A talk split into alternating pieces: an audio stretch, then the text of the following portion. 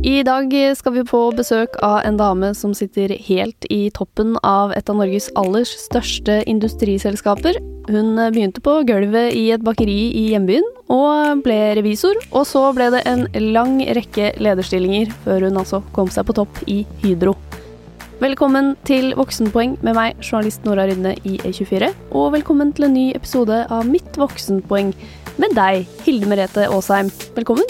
Takk for det. Vi skal begynne med de fire kjappe, vi. Er du klar? Ja. Når kjøpte du din første bolig, hva kosta den, og hvordan finansierte du det? ja.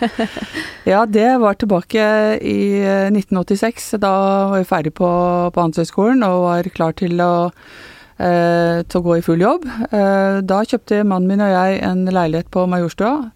Eh, prisen var 695 000, ja. Eh, og renta var 14 så jeg tenker ofte på at ungdommen i dag har en krevende tid når de skal finansiere og kjøpe leiligheter på de prisene vi ser nå.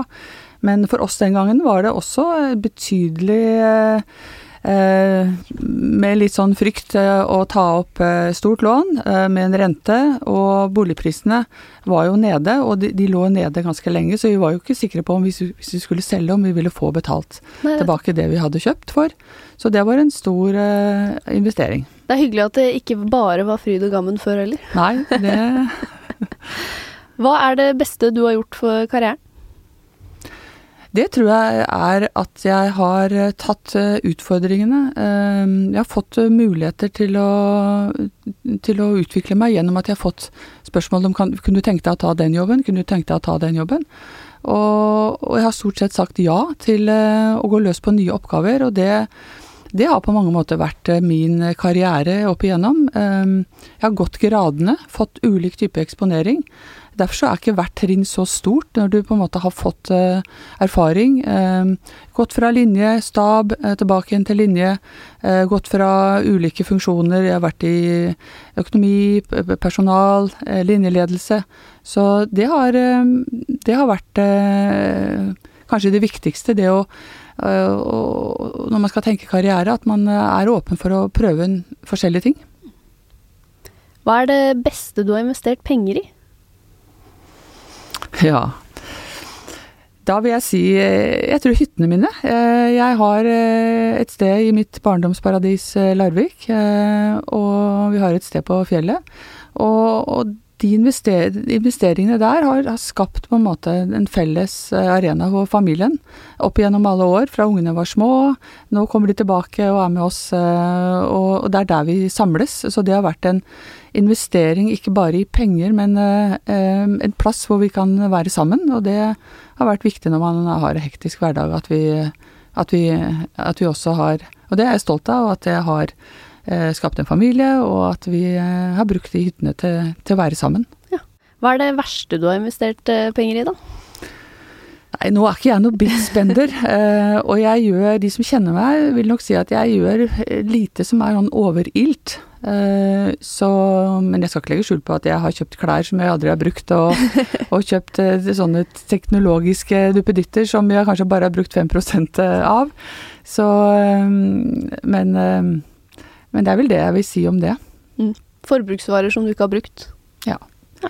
Men som sagt, jeg er ikke noe big spender. Jeg er ikke så glad i å gå i butikker, så jeg, jeg har ikke noe sånt stort forbruk. Du har ikke vurdert en personal shopper som kan bruke Altså, det er jo høy lønn eh, som konsernsjef. Jeg har faktisk eh, en som hjelper meg med å handle klær til det jeg trenger på, i den jobben jeg har. Fordi jeg reiser mye, jeg er på ulike arenaer og og, og, og, da har jeg sett det som effektivt, at noen kan hjelpe meg med å sørge for at jeg har bekledning til det jeg skal være med på. Er det noen internt i Hydro som fikser det? Nei, det er helt privat. Jøss, yes. kult. Høres veldig deilig ut. Men eh, vi skal begynne litt eh, på eh, starten her, egentlig. Eh, da du gikk på videregående. Hva ville du bli da? Ja, det lå jo litt i kortet at jeg skulle bli lærer, fordi far var lærer og overlærer. Og jeg hadde også en søster som utdannet seg til lærer. Så jeg, uh, hadde, jeg hadde skole i lekestua mi. eh, hjemme i gården, eh, hvor jeg lærte ungdommen i gata både å lese og skrive, og fikk eh, gamle skolebøker av far, og, og var både lærer og, og rektor. Du lekte Så jeg lekte, jeg spilte den rollen, og var, var nok innstilt på at det, det skulle jeg bli. Så du var litt sjefete allerede som barn. Jeg var nok ikke sjefete, men jeg hadde nok en sånn naturlig autoritet, kanskje. Ja. For jeg fikk disse ungene til å, til å sitte rolig og, og var stolt når jeg klarte å, å se at de hadde begynt å lese og skrive. Og det var på videregående, altså? Det Nei, dette var, dette var helt i barndommen. Ja, det var helt i Ja, barndommen, ja. Altså, på videregående så tenkte du dette er jo åpenbart Nei, jeg var ikke linje for i, i, i videregående. Nei. Nei, så på videregående så, så valgte jeg eh, det var, eng, det var jo engelsklinje, realfaglinje og naturfaglinje den gangen, og jeg valgte engelsklinje. Jeg, jeg likte språk, jeg likte å skrive, og, og, og, men i løpet av de årene så, så, mm, så fikk jeg venner som hadde venner som gikk på Handelshøyskolen. Jeg hadde en bror og en fetter som også hadde utdannet seg innenfor økonomiske fag. Så da jeg var ferdig på gymnaset, så tok jeg et tilleggsår på Hansgym i Sandfjord eh, på noe som heter studfag den gangen, eh, som da gjorde meg klar til å søke Handelshøyskolen. Så da, hvor fikk du den ideen fra? Eh, altså, når Ja. ble det fra lærer til eh, Handelshøyskolen? Da, da er vi litt tilbake til du, du sa innledningsvis at jeg jobbet på et eh, bakeri. Eh, det gjorde jeg for å finansiere sommerferiene mine, både når jeg gikk på gymnaset, men også på Handelshøyskolen. Og jeg begynte på gulvet med å lage boller og, eller skolebrød, og Larvik er jo en stor turistkommune om sommeren. Så um, det var stor aktivitet, og, og jeg var oppe klokka seks om morgenen og laget eh, ferdig bakverk som skulle sendes ut. Um, og etter hvert så fikk jeg muligheten til å flytte meg til ordrekontoret. Etter hvert jeg kunne jeg jobbe på lønningskontoret og fakturering. Og etter hvert så fikk jeg ganske interesse for forretning. Og, men også ledelse, for um, bakeren, han eieren sjøl i det bakeriet, han, eh, han var aktiv. Han var bakeren sjøl og, og var oppe om natta og satte deigen. Og når han var ferdig med det, så kom han eh, ut til oss eh, damene. eh, og satte seg på melsekken og spiste skolebrød og spurte hvor mange ordre vi hadde fått inn, hvor mye vi skulle levere, og var veldig opptatt av oss. Så jeg har sagt eh, tidligere også at han lærte meg liksom det å At ledelse er å se menneskene. eh, Ledelse er å engasjere. Og vi ble veldig eh, oppstemt når vi fikk snakke med han og høre hans perspektiver, og at han var opptatt av at vi leverte på, det vi skulle levere på. Så det, og, og, og jeg fikk interesse for forretning. eh, Spennende å få lov til å eh, utvikle meg i det bakeriet mens jeg gikk på skolen. Og, og sånn sett så, så ble det min, eh, min vei, da. Men så han noe i deg, da? Eh, hvis han eh, lærte deg opp og, og flytta deg litt opp i systemet etter hvert? Ja, han har nok sagt det i intervjuer eh, senere, at han så at jeg hadde noe som han ønsket å, å, å gi meg muligheten da, til å utvikle meg utover og, og, og stå og lage kakene. Spennende. Da, men hvor lenge jobba du der? Jobba du der mens du studerte? Jeg var, i, jeg var knytta til det bakeriet i eh, syv år. Først eh, tre år på gymnaset, og så fire år på Handelshøyskolen. Nettopp. Og så ble det altså revisjon. Ja, fordi at eh, jeg er veldig glad i tall. Eh, eh, Jeg er glad i orden, og regnskap er, er orden. På høyt nivå. Debut og kreditt, og det skal stemme. Og det, det liker jeg veldig godt. Så på Handelshøyskolen så valgte jeg da eh, regnskap som valgfag på, på, på siste, siste året. Og ble da plukket opp eh, som ung eh, siviløkonom av et revisjonsselskap da jeg var ferdig på Handelshøyskolen. Mm. og begynte der, i et selskap som heter Arthur Andersen. og i løpet av et år så fikk jeg da muligheten til å få et stipend og reiste tilbake til Bergen og tok det som heter høyere revisorstudie. Ok. Um, som gjorde at jeg da fikk uh, den statsautoriserte revisorgraden. Så blir det mer spennende på jobb da? Eller ble det mer spennende på jobb etter at du fikk det? Ja, revisjonsarbeid er veldig spennende, for det at du må forstå virksomheten. Du må forstå hvilke risiko er i, i denne øh, virksomheten, og risiko for da å, la, å, å, å, sette, sette opp regnskapet som da reflekterer den finansielle situasjonen i selskapet. Og, og jeg begynte jo da som eh, revisor i, eh, som sagt Arthur Andersen, og fikk da prosessindustri som klient. Og det var mitt første møte med industri da jeg fikk Elkem som, eh, som revisjonsklient og reiste rundt på mange av Elkems anlegg for å forstå virksomheten. Um, og, og det, da fikk jeg liksom denne fascinasjonen for disse naturkreftene. Elken produserer jo da uh, materialer som med utgangspunkt i vannkraft uh, produserer ferrosilisium, silisiummetall, som går til til stålindustri, til, eh, til aluminiumsindustri, til kjemi. Og jeg fikk den fascinasjonen for disse lokale, store anleggene med utgangspunkt i vannkraft. Dette skjebnefellesskapet mellom disse store anleggene og lokalsamfunnet, uh, og hvor de produserte noe som verden trengte. Ja. Og det syns jeg var veldig spennende, og fikk den den eh, fikk da etter hvert muligheten til å begynne i Elkem. Okay. Gå ut av revisjon og begynne i Elkem.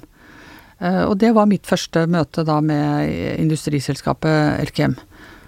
Så du får jobba som revisor, da, så fikk du jobba såpass tett med Elkem at de skjønte hvem du var og hva du kunne, og tenkte hun her må vi rappe ja, fra det revisjons...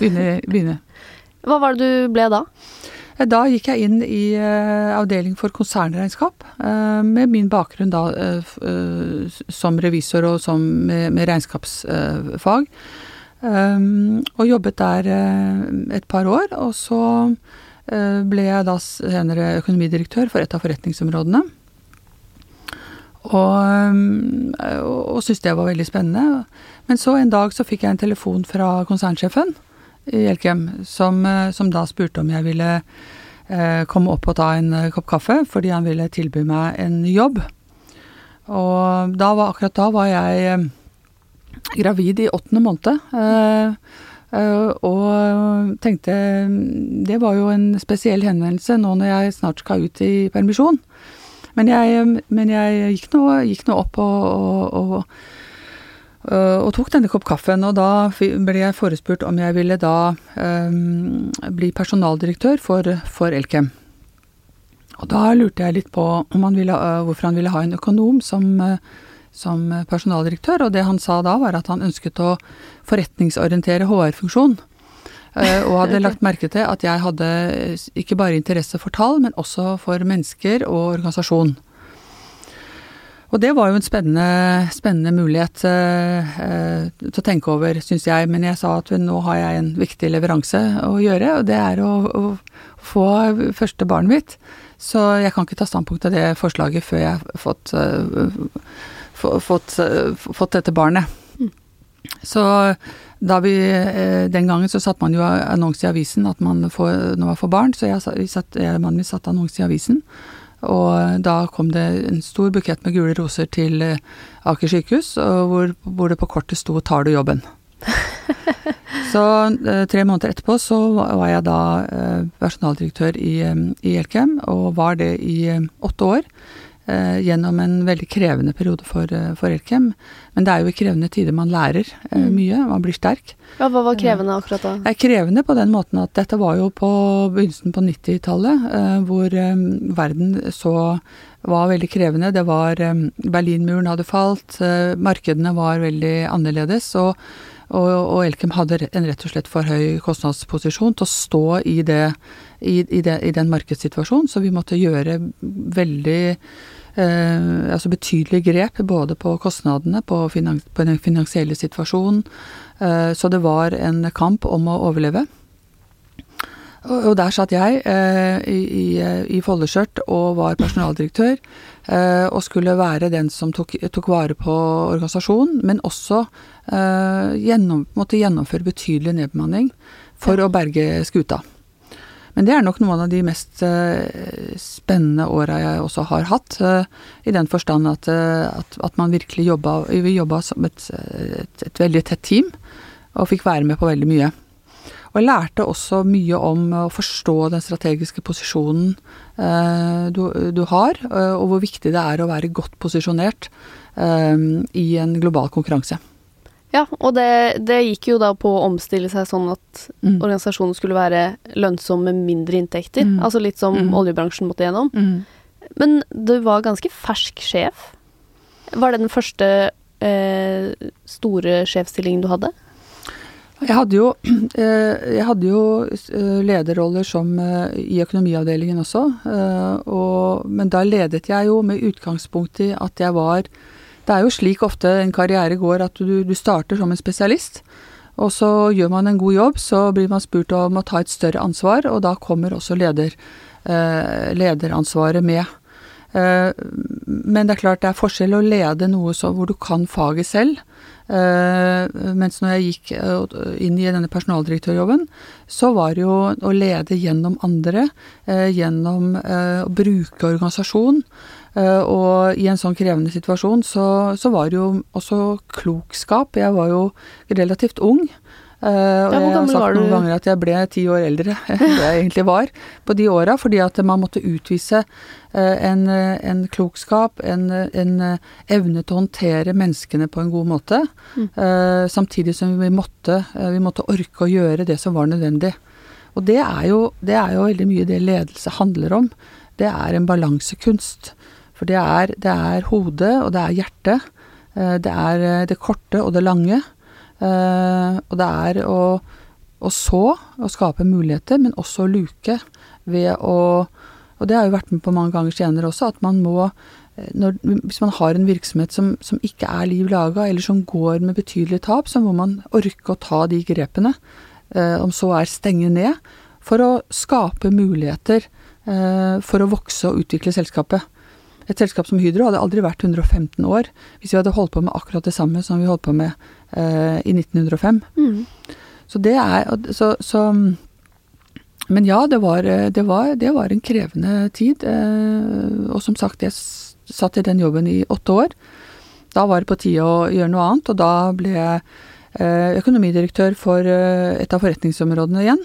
Um, Ja, fortsatt i Elkem. fortsatt i Elkem. Men da var du eh, eh, Hvor gammel var du da du var personalsjef, altså fikk denne lederjobben? Ja, da var jeg 32 år, da, Ja. da, i, eh, i 1990. Det vi ville kalt en ung leder. Var du da lei av å være personalsjef? Var det noe du ikke likte også med den jobben, eller? Nei, da fikk jeg mulighet. eh, Jeg har vært eh, heldig med at, eh, at jeg har hatt mennesker rundt meg, eh, ledere rundt meg, som har sett, eh, sett meg. Og, og, og det har nok vært liksom filosofien min, at hvis man gjør en god jobb der man er, så kommer også mulighetene. Eh, og da fikk jeg da muligheten Da var det en, en, en som var sjef for eh, aluminiumsområdet, som spurte Hilde, eh, vil du ta den økonomidirektørjobben. Eh, Og, og som, hvor jeg var liksom nestkommanderende for denne, og jeg ønsket å komme nærmere business da, på det, på det tidspunktet. Da hadde jeg vært i stab i mange år. Så det gjorde jeg, det var en spennende tid. Vi skulle bygge, bygge eh, nytt anlegg i Mosjøen. Og det som også var spennende, kort tid etterpå, så ble jeg da spurt om å ta et vikariat som, som verkssjef i Mosjøen. Og det, det var noe jeg hadde veldig lyst til. ehm, og, og, og da ukependlet jeg. Da, da hadde jeg fått et barn til, og Ingrid, dattera mi, var to år. Så det var, litt, det var jo krevende å, å, å ukependle, men det var så spennende for meg å få muligheten til å, til å lede et stort verk i et lokalsamfunn. Og, og det, det, det hadde jeg veldig glede av. Og, og jeg husker jeg sto oppe på verksdirektørboligen med verneskoa på meg og så utover dette svære anlegget og tenkte guri malla, dette har jeg ansvaret for. Eh, Så jeg la meg nesten med skoa på om natta. Eh, For hvis noe skulle hende, hvis noe skulle skje på verket, så måtte jeg være, så måtte jeg være klar. Og mange vil jo betegne det som veldig stressende, men du likte det?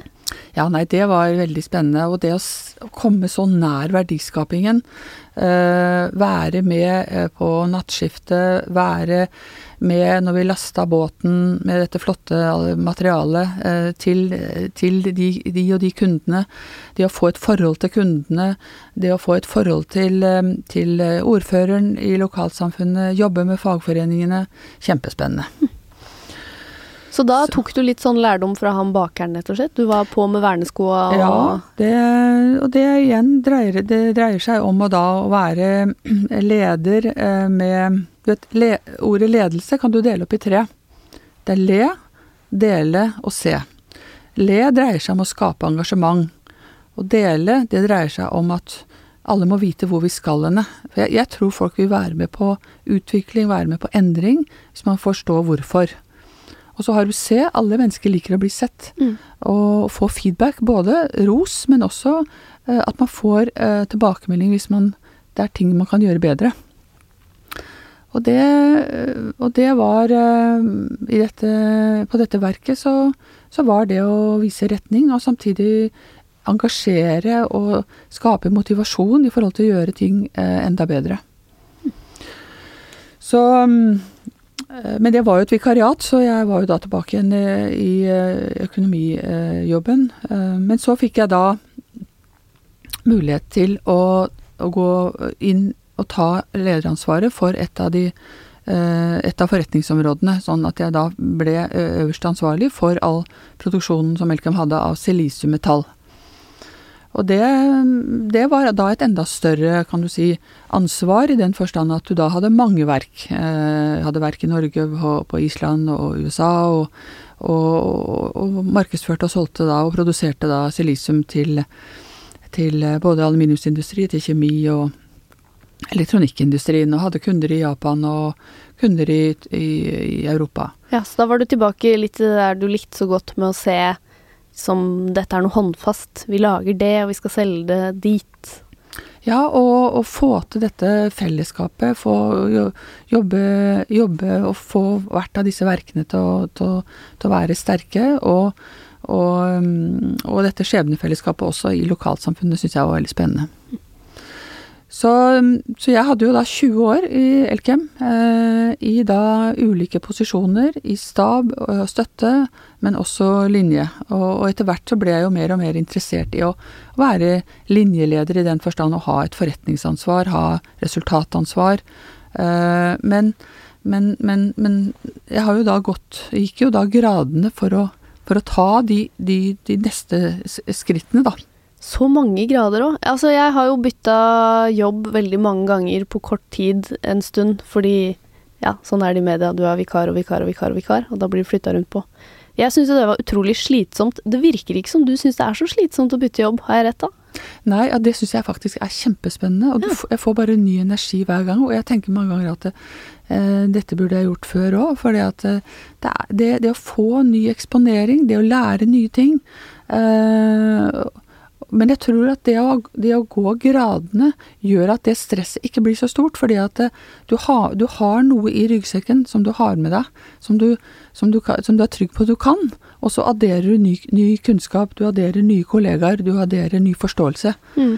Og, og, og, det er i hvert fall en, en, et råd jeg vil gi til unge mennesker. at at uh, ta de mulighetene som byr seg, uh, fordi at uh, den, den, erfaringen er ikke tung å være. Og, og, skulle det være feil, så er heller ikke det noe, noe nederlag. fordi det, det, er å prøve ut også i forhold til hva man trives med. Men når du begynner på en ny jobb, da tenker jeg med en gang, i hvert fall som leder, da, så er det jo det slitsomme er på en måte at man møter så mange nye mennesker, og så skal man jobbe med dem, trives med dem, og du skal jo da i tillegg lede dem. Har du noe sånn triks du gjør når du kommer inn som ny, spesielt da leder, for å få folk med seg? Mm. Så, um, ja, da bruker, mye tid, da bruker jeg mye tid ute i organisasjonen. Jeg, jeg går ikke inn på kontoret og lukker døra, og nå skal jeg finne ut av hva jeg skal jobbe med. Nei, det første jeg gjør da, det er å intervjue, eller ikke intervjue, men sette meg ned med hver enkelt uh, for å forstå den jobben de gjør, men også forstå litt hvem de er. Fordi at jeg tror at man er bedre som leder også, hvis man, hvis man vet litt om hverandre. Eh, I den forstand at eh, eh, hvis man har, man har, man har jo ulike typer medarbeidere. Eh, eh, noen er godt voksne, noen er unge. Noen er, er unge med to unger som skal til, i barnehagen hver, hver morgen. Eh, andre har mer fleksibilitet.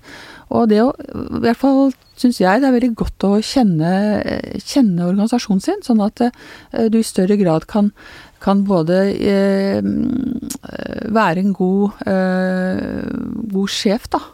Eh, ved å, å, å, tilrettelegge for at, at, arbeidet blir gjort, men også på en måte på, på, på, litt ulike vis. For i dag er det jo en helt annen verden enn det det var den gangen jeg var ung, at uh, man måtte være på jobben. Uh, man ikke, hadde ikke PC hjemme, og man hadde ikke mobiltelefon engang. Sånn at uh, man var mye mer låst til at arbeidet måtte gjøres innenfor innenfor arbeidstida. Mm. I dag er det jo en helt annen fleksibilitet, og, og jeg tror at eh, viser vi den fleksibiliteten, så får vi mye tilbake om. Så du liker den delen med å gå rundt eh, til alle de nye menneskene og finne ut hvem de er og hvordan de har det hjemme og, Jeg tror de som kjenner meg, vil nok karakterisere meg som en synlig leder. Ja. Mm. og en utpreget sosial person, eller, eller ekstrovert ville jeg jo egentlig tenkt at du er da. Selv om du ikke er noe bråkete her i studio. Nei, jeg vet ikke hvordan eh, andre kan karakterisere meg, men jeg tror nok at mange vil si at eh, de opplever at jeg er synlig, og at jeg er engasjert i folk. Mm. Mm.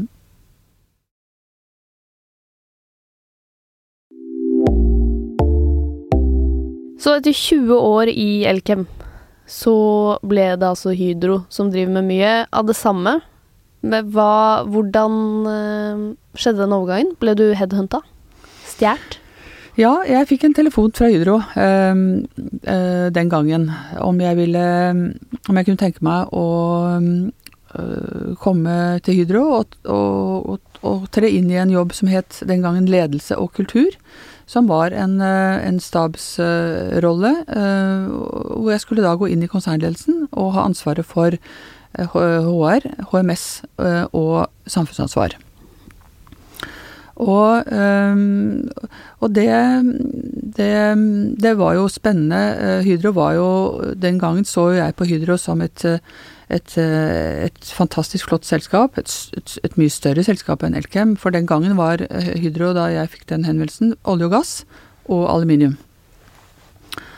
Men samtidig så var jeg veldig opptatt av at uh, jeg, hadde, jeg, hadde, veldig sans for å, å, å, stå i en sånn linjejobb, og, og, stå i en jobb hvor jeg hadde resultatansvar, hvor jeg kunne jobbe med både kunder, marked, produksjon.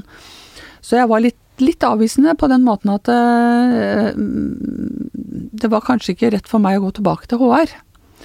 Men, men Eivind Reiten var god til å overbevise meg den gangen, han var jo konsernsjef. Og, og, det ble slik at jeg da gjorde liksom opp, summerte opp på en måte min karriere, og jeg hadde jo vært i nesten hver eneste krik og krok i, i Elkem. Uh, at det var på tide å, å, å, prøve seg i en annen kultur, et annet selskap. Uh, og, og, bestemte meg da for å begynne i Hydro. Var det dårlig stemning i Elkem da? nei, vi hadde mange avskjedsselskaper i hvert fall. Um, så, så, det gjorde jeg, og da, da gikk jeg inn i, um, i konsernledelsen og, og, skulle sette meg da inn i både, um, både olje- og gassvirksomheten og, og, aluminium. For er det noe jeg er opptatt av når man sitter i stab, så er det det å være relevant. Altså du må forstå den virksomheten eh, du, som selskapet står i, når, hvis du skal være en god stabsperson, en god HR-person, eh, eller en god eh, en som jobber med helse, miljø og sikkerhet f.eks., så må du skjønne de utfordringene selskapet har på å, å, å, sikre at man jobber på en trygg måte. Man må forstå hva slags kompetanse selskapet trenger for å være best på olje og gass og aluminium. Så jeg brukte det første året på å sette meg inn i selskapet. Jeg spesielt var jo det olje og gass. Så jeg reiste jo ut i havet, eh, var på Oseberg C-plattformen, jeg var handlet olje på, på tradingdesken. Eh, jeg eh, var på kurs for ikke-geologer i Skottland for å forstå hvordan man faktisk leter etter hydrokarboner. Um, og det, så det var jo også en veldig spennende reise. Det å lære om nye ting, da. Og ble jo bare mer og mer imponert over hvordan altså den ingeniørkunsten det er da, eh, i å lete og faktisk få opp hydrokarboner som er pressa i milliarder av år på havbunnen. Mm. Så, så, så, det var jeg eh, Det jobbet jeg mye med det første året. Eh, men i løpet av det første året så hadde vi også en diskusjon i konsernledelsen om olje- og gassvirksomheten i i Hydro. Eh, den gangen så konkurrerte Statoil og Hydro head to head oppe på, Stok på, oppe på de russiske Barentshav. Eh, og styrene i Statoil og Hydro kom til at eh, man ville slå sammen At det, at det var, ville være riktig å slå sammen olje- og gassvirksomheten i Hydro og, eller, og, og Statoil. Mm. For å skape en, en, en gigant innenfor olje- og gassnæringen. Og Jeg var vel den gangen innstilt på at jeg skulle da gå med aluminiumsselskap og bli igjen i Hydro, for det var jo der jeg hadde på en måte min bakgrunn fra 20 år i Elkem.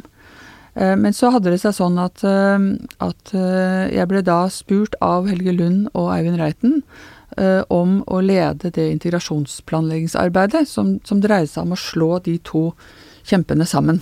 Ja, og det kan fort bli mye bråk av det jeg har av erfaring med sammenslåing. ja, og da er, det, da er, det, klokskap eh, som gjelder, eh, men også evne til å få til samarbeid. Eh, og vi satte jo da opp et integrasjonsplanleggingsteam med, med like mange fra begge selskapene. Jeg hadde et team på over 200. Og med, med 15 forskjellige fagforeninger, hvor vi da gnudde på problemstillingene sammen for hvordan man skulle skipe dette selskapet. Eh, hvor, skulle, hvor, det var en klar melding fra de to styrene at man skulle ta det beste fra de to eh, og sette opp et, et, et nytt selskap. Og det jobbet jeg da med i, i et helt år, til vi da til det nye Statoil Hydro, som det het den gangen, 1.10.2007, ble en realitet. Men det som, var, det som hang på den, den, henvendelsen på å lede det integrasjonsplanleggingsarbeidet, var også at jeg da skulle bli en del av det nye eh, Statoil Hydro. Eh, og gå inn i konsernledelsen i dette nye olje- og gasselskapet. Eh, med ansvaret for stabene, bortsett fra finans, som da Eldar Sætre hadde. Eh, så, så det, det, var dealen, og det, det, det resulterte da at jeg ukependla da til Stavanger. Først så etablerte vi selskapet, og så satt jeg da med ansvar for, for stabene i den konsernledelsen i det nye selskapet. Og så gikk det da et år til. Da er vi kommet til 2008. Og da fikk jeg en telefon eh, fra eh, den samme Eivind Reiten igjen, han var jo da i Hydro, om jeg ville komme tilbake til Hydro. Fordi at da uh, vil den tilby meg da å lede et av de største forretningsområdene, primærmetallområdet, som jeg egentlig på en måte hadde vist interesse for um, da jeg Eller da vi, da vi, snakket om da jeg skulle begynne i Hydro, at jeg ønsket egentlig et linjeansvar. Mm. Så da måtte jeg jo igjen veie, veie alternativene. Uh, men jeg kom vel til det at jeg var uh, Jeg hadde hjertet mitt i i prosessindustri. Jeg hadde jobbet med det i alle år, og, og, og så at dette var en mulighet for meg til å, til å lede da et av de store områdene. Og da var det god stemning? Eller? Da var det bra stemning. Ja, Var det deilig å komme tilbake fra liksom, ikke måtte dra på ikke-geologkurs og Nei, det var faktisk utrolig spennende. Uh, og det, det syns jeg var veldig fascinerende. Uh, du slår og... meg som en som er irriterende god i quiz. Ja, det, det tror jeg ikke familien min vil si, for okay. uh, der er det ganske mange gode. Så, men uh, jeg, er, jeg, er, jeg, er, veldig fascinert av uh, teknologi og innovasjon, og, og, og, og hvor, langt kan, det, hvor langt kompetanse kan ta oss, altså. Og enormt lettlært. Der må jeg ta, uh, ha riktig. at jeg er lettlært? Ja. Jo, men jeg, men jeg tror også at, jeg, at, du kommer veldig langt med interesse. Mm. Uh, og det å evne å, Eller å tørre å stille spørsmål. Og ikke liksom være redd for å dumme deg ut. For det at uh, hvis du, du, du Du blir jo aldri eksperten, men hvis du skjønner Jo mer du skjønner, jo mer du forstår at du ikke skjønner. Men, men samtidig så blir det bare mer og mer interessant. Har det også vært en del av hvorfor du har liksom greid å å bli en bedre og bedre leder og altså fått tillit fra de du har ledet? At du har vært interessert i å ja, skjønne Ja, jeg tror nok det at, at, det, og det er veldig mye det ledelse dreier seg om. For en, en klarer jo ikke å gjøre noe aleine. Og det å gjøre seg liksom avhengig av medarbeiderne sine ved at de kan faktisk mer enn deg. Um, og, det, og det er jo det det ledelse dreier seg om. Og det, det, er jo en erfaring som jeg også hadde som ung uh, leder. Og jeg tror mange unge ledere uh, går litt på den uh, utfordringen. da, at, at, når du blir leder som for et spesialistområde, du har vært god på dette selv, og så blir du leder, så skal du lede et team. Og så, og så er du ambisiøs på avdelingens vegne, og så har du egenoppfatninger sjøl om hvordan jeg ville gjort det. Ja. Men, og da er det veldig fort gjort, og så, og, så, og så, får du kanskje noe fra dine medarbeidere, og så ser du nei, det var ikke sånn jeg ville gjort det, så da tar jeg heller natta til hjelp, og så gjør jeg det om, slik at det blir akkurat sånn. Men da utvikler en jo heller ikke organisasjon, og da får du heller ikke maksimalt ut av organisasjon. Så det å jobbe med medarbeiderne, jobbe med ikke, ikke hva som skal leveres, men liksom mer forventningen til hva vi skal levere sammen. Uh, og, og som hvordan løs, lø, blir løst liksom av medarbeiderne selv, og ikke, ikke, at du skal klare å gjøre alt sjøl. Men hvordan fant du fram til din egen lederstil og ble god på det her? Hadde du noen mentor, eller var det sånn bare ja, Nei, altså som, som, ung leder så, så får, man jo, uh, får, man jo, ofte litt sånn basistrening gjennom at man går på noen lederkurs og liksom disse mer sånne fundamentals. Mm. Men det som kanskje var min viktigste mentor eh, opp igjennom Elkem-åra, var, uh, var konsernsjefen sjøl, Ole Enger. Han var en fantastisk leder for meg, og, og, og utfordra meg også på denne her balansekunsten. For det eh, Med min liksom legning, jeg er glad i mennesker, jeg er interessert i folk, eh, så var jeg nok som ung leder Hva skal jeg si um, Redd for å på en måte ta de vanskelige beslutningene. Mm. Uh, og brukte lang tid. Og, og, Ole utfordra meg veldig på det å orke å ta de beslutningene. Men, men ta de på et faktagrunnlag ta de på, basert på at du kan forsvare de beslutningene du tar, men, men, men orke å gjøre det. For når, når, man ser at det er forretningsmessig klokt, så er det liksom om å gjøre å gjøre det, men samtidig gjøre det på en, på en god måte hvor du får forståelse. Og, og bruker tid i organisasjonen på, på, å forklare hvorfor vi må ta de beslutningene. Og han utfordra meg mye på det å orke. Orke å stå i det og bli sånn sett, kan du si, en, en, en mer hel leder, da. Mm. Så han, eh, han eh, sender jeg mange gode tanker.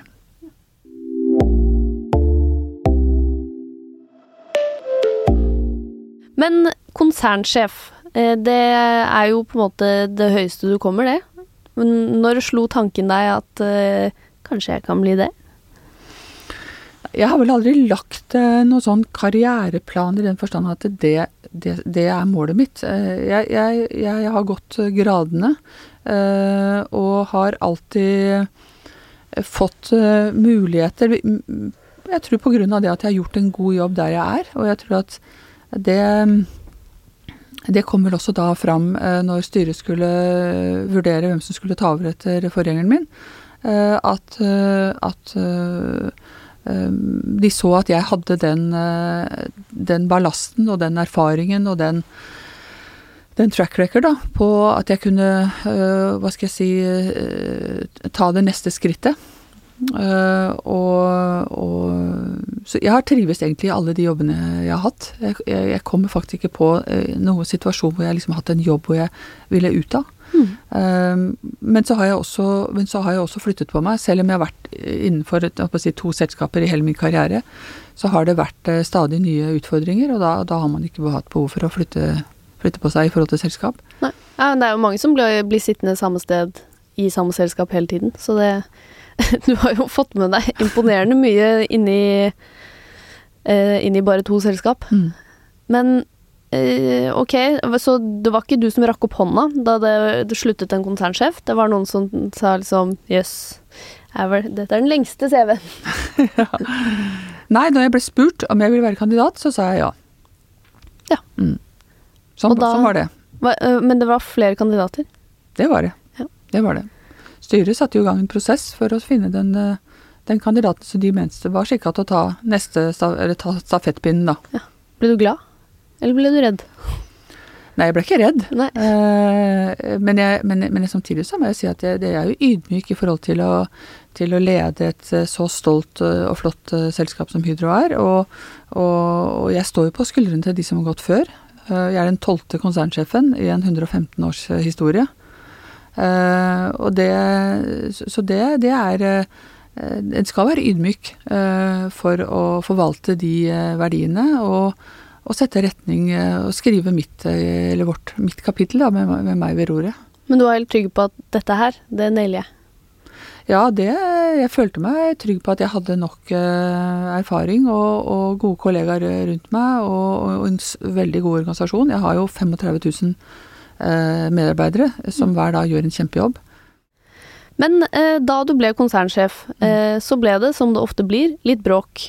Eh, og så var det noen som mente at eh, du ikke var karismatisk nok til å være toppsjef. Hva tenkte du da den uttalelsen kom? Nei, jeg så jo Det var jo flere karakteristikker. Det var hard negl, og det var ikke karismatisk, og det var um, Jeg er ikke så opptatt av, av, det. De som kjenner meg, de, de vet hva jeg står for. Og, og jeg sjøl, jeg, jeg, er opptatt av å, å Jeg er mor, jeg er ektefelle, og jeg er industrileder. Eh, og jeg er den jeg er, og, og, og, det har brakt meg dit eh, jeg er i dag. Og, og så får andre mene. Uh, både fra klosshold og fra, fra, fra langthold. ja, så tok deg ikke nær av det? Nei. Nei. Det, det, gjorde jeg ikke. Altså. Satt ikke hjemme og slo i bordet og kastet dartpiler på personen som sa det? Nei. nei. nei. Det jeg hadde, jeg hadde, andre ting å tenke på ja. Eh, den, eh, den, eh, den, dagen derpå, for å si det mm. sånn. Men du, så du var hele tiden trygg på det at du sånn Nei, men du kan bare klappe igjen, du. Jeg er en god nok sjef, jeg.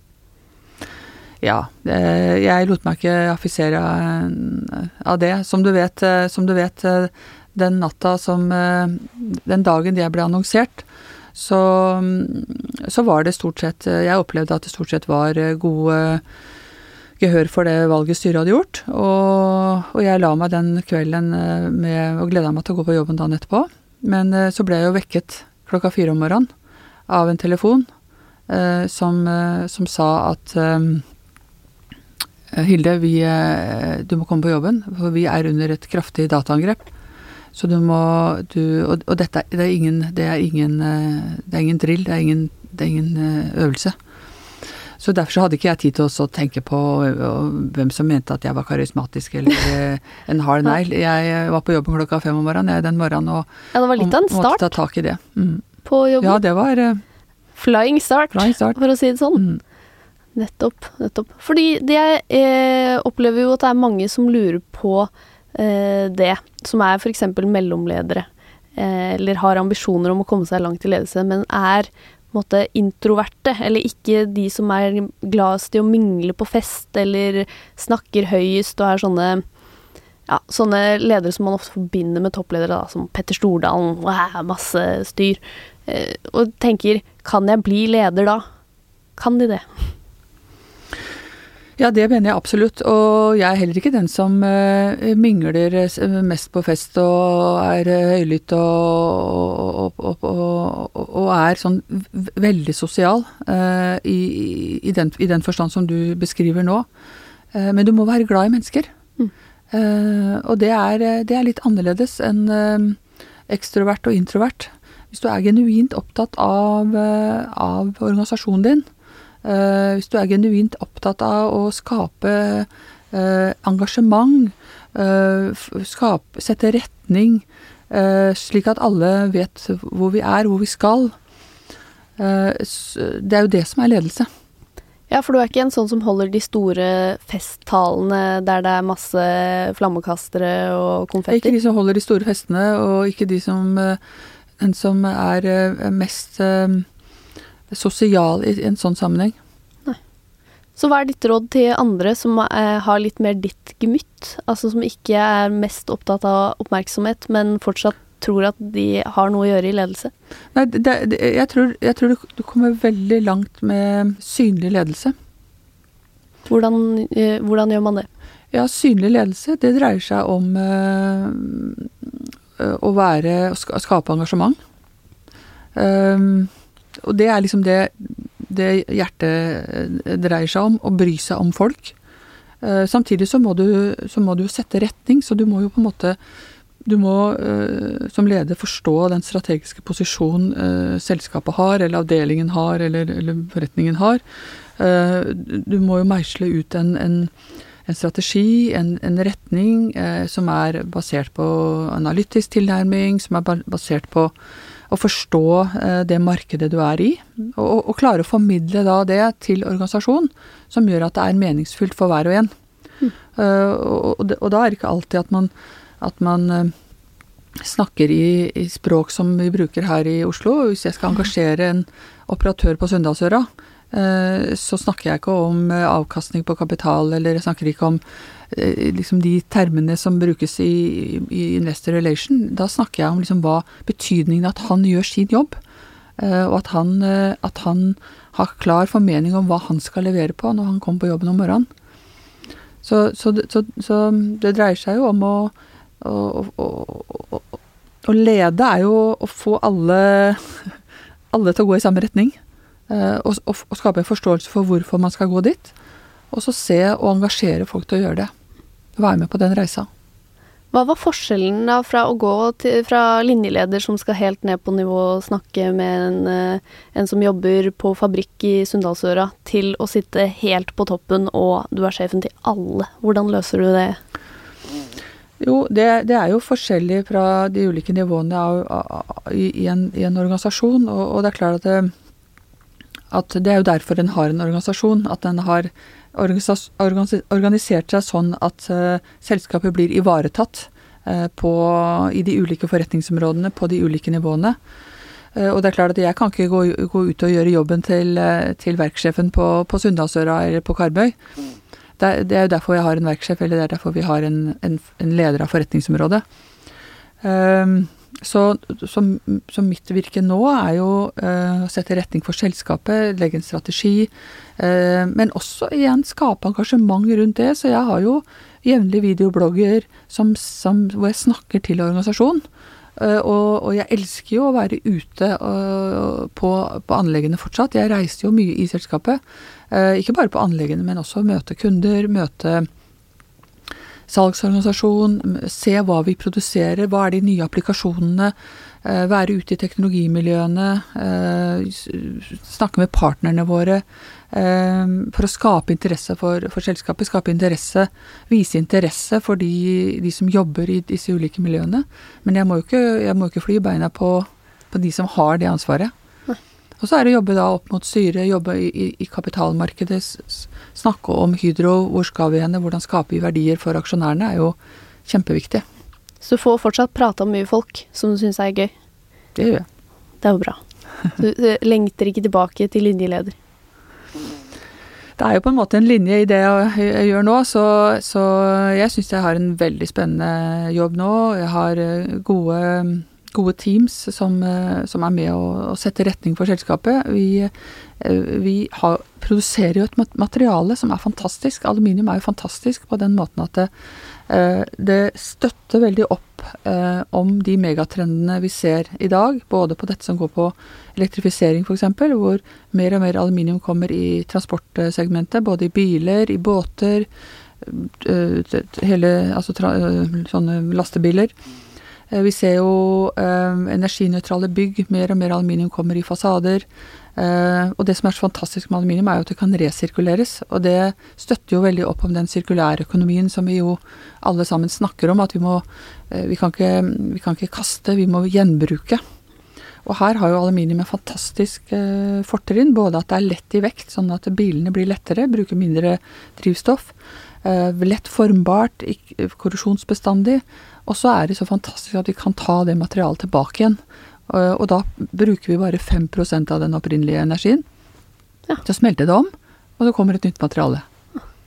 Så jeg er veldig fascinert av, eh, av, eh, av det, det, vi produserer. Og det som er spennende, og jeg trekker linja tilbake til Sam Eide, som jeg, som jeg gjerne skulle møtt, eh, som var grunnleggeren til Hydro. Han hadde jo, han hadde jo denne ideen om å bruke vannkrafta til å produsere gjødsel. Ta, bruke vannkrafta til å ta nitrogen ut av lufta. Ja, for Hydro begynte som Yara. Ja, ja. Hydro begynte som Yara. Og, og, og, og det, det, som var hans uh, visjon den gang, det var å lage et, la, skape noe som verden trengte. Og, den, og den gangen, i 1905, så var det jo matmangel. Og det at de da kunne lage gjødsel, skulle bidra til at flere og flere fikk mat på bordet. I dag ser jeg at vi produserer aluminium eh, for å produsere da et materiale som verden trenger i forhold til å elektrifisere, dekarbonisere, få ned eh, fotavtrykket, eh, CO2-fotavtrykket i verden. Og det syns jeg er utrolig spennende gjerning, da. Å være en fordel. Å være så interessert i både menneskene og området. Ja, du må det for, å, for du må jo smitte det engasjementet. Ja, Hvis ja. jeg ikke hadde det engasjementet, så ville jeg jo ikke klart å engasjere eh, våre 35 000 fantastiske ansatte.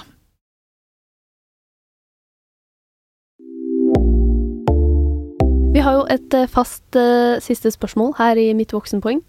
Hvis du kunne reist tilbake i tid og gitt 20 år gamle deg selv et råd, hva ville det vært? Å, jeg tror ikke jeg ville gjort noe annerledes, jeg. Det jeg har gjort. Så du ville reist tilbake og sagt eh, Keep doing you! Ja, ta mulighetene. Ja. Ta mulighetene uh, når de byr seg. Ikke vær redd for å gå inn i nye områder. Uh, uh, og det, det vil jeg si til unge talenter i dag. Ta de mulighetene du får. Gjør, gjør en god jobb der du er. For jeg mener at gjør du det, så skal det mye til at ikke du blir sett. Og det har vært min reise. Ok, så hvis vi skal oppsummere din ekstremt lange karriere og få med oss noe nyttig, så blir det ta mulighetene som du får, og forhåpentligvis får du dem hvis du gjør eh, en god jobb der du er. Og så blir det da å finne sin lederstil og være interessert i mennesker, og kanskje ikke være så opptatt av hvordan man tenker at en leder bør være, hvis man føler at det man gjør er riktig og funker. Og så blir du konsernsjef. Og så kan du sove godt om natten uansett hva folk eh, sier om eh, hvem du er som person, om du er en hard negl eller lite karismatisk. Det går greit. Hydro lever fortsatt. Tusen takk for at du eh, kom hit i dag, Hilde Merete Aasheim. Takk for at vi kom. Produsent i dag, det var Sunniva Glessing. Og hvis du vil ha mer innhold fra Voksenpoeng, så må du gå og følge oss på Instagram. Der ligger vi ut litt av hvert som du ikke får høre i podden. Der heter vi Voksenpoeng med Nora.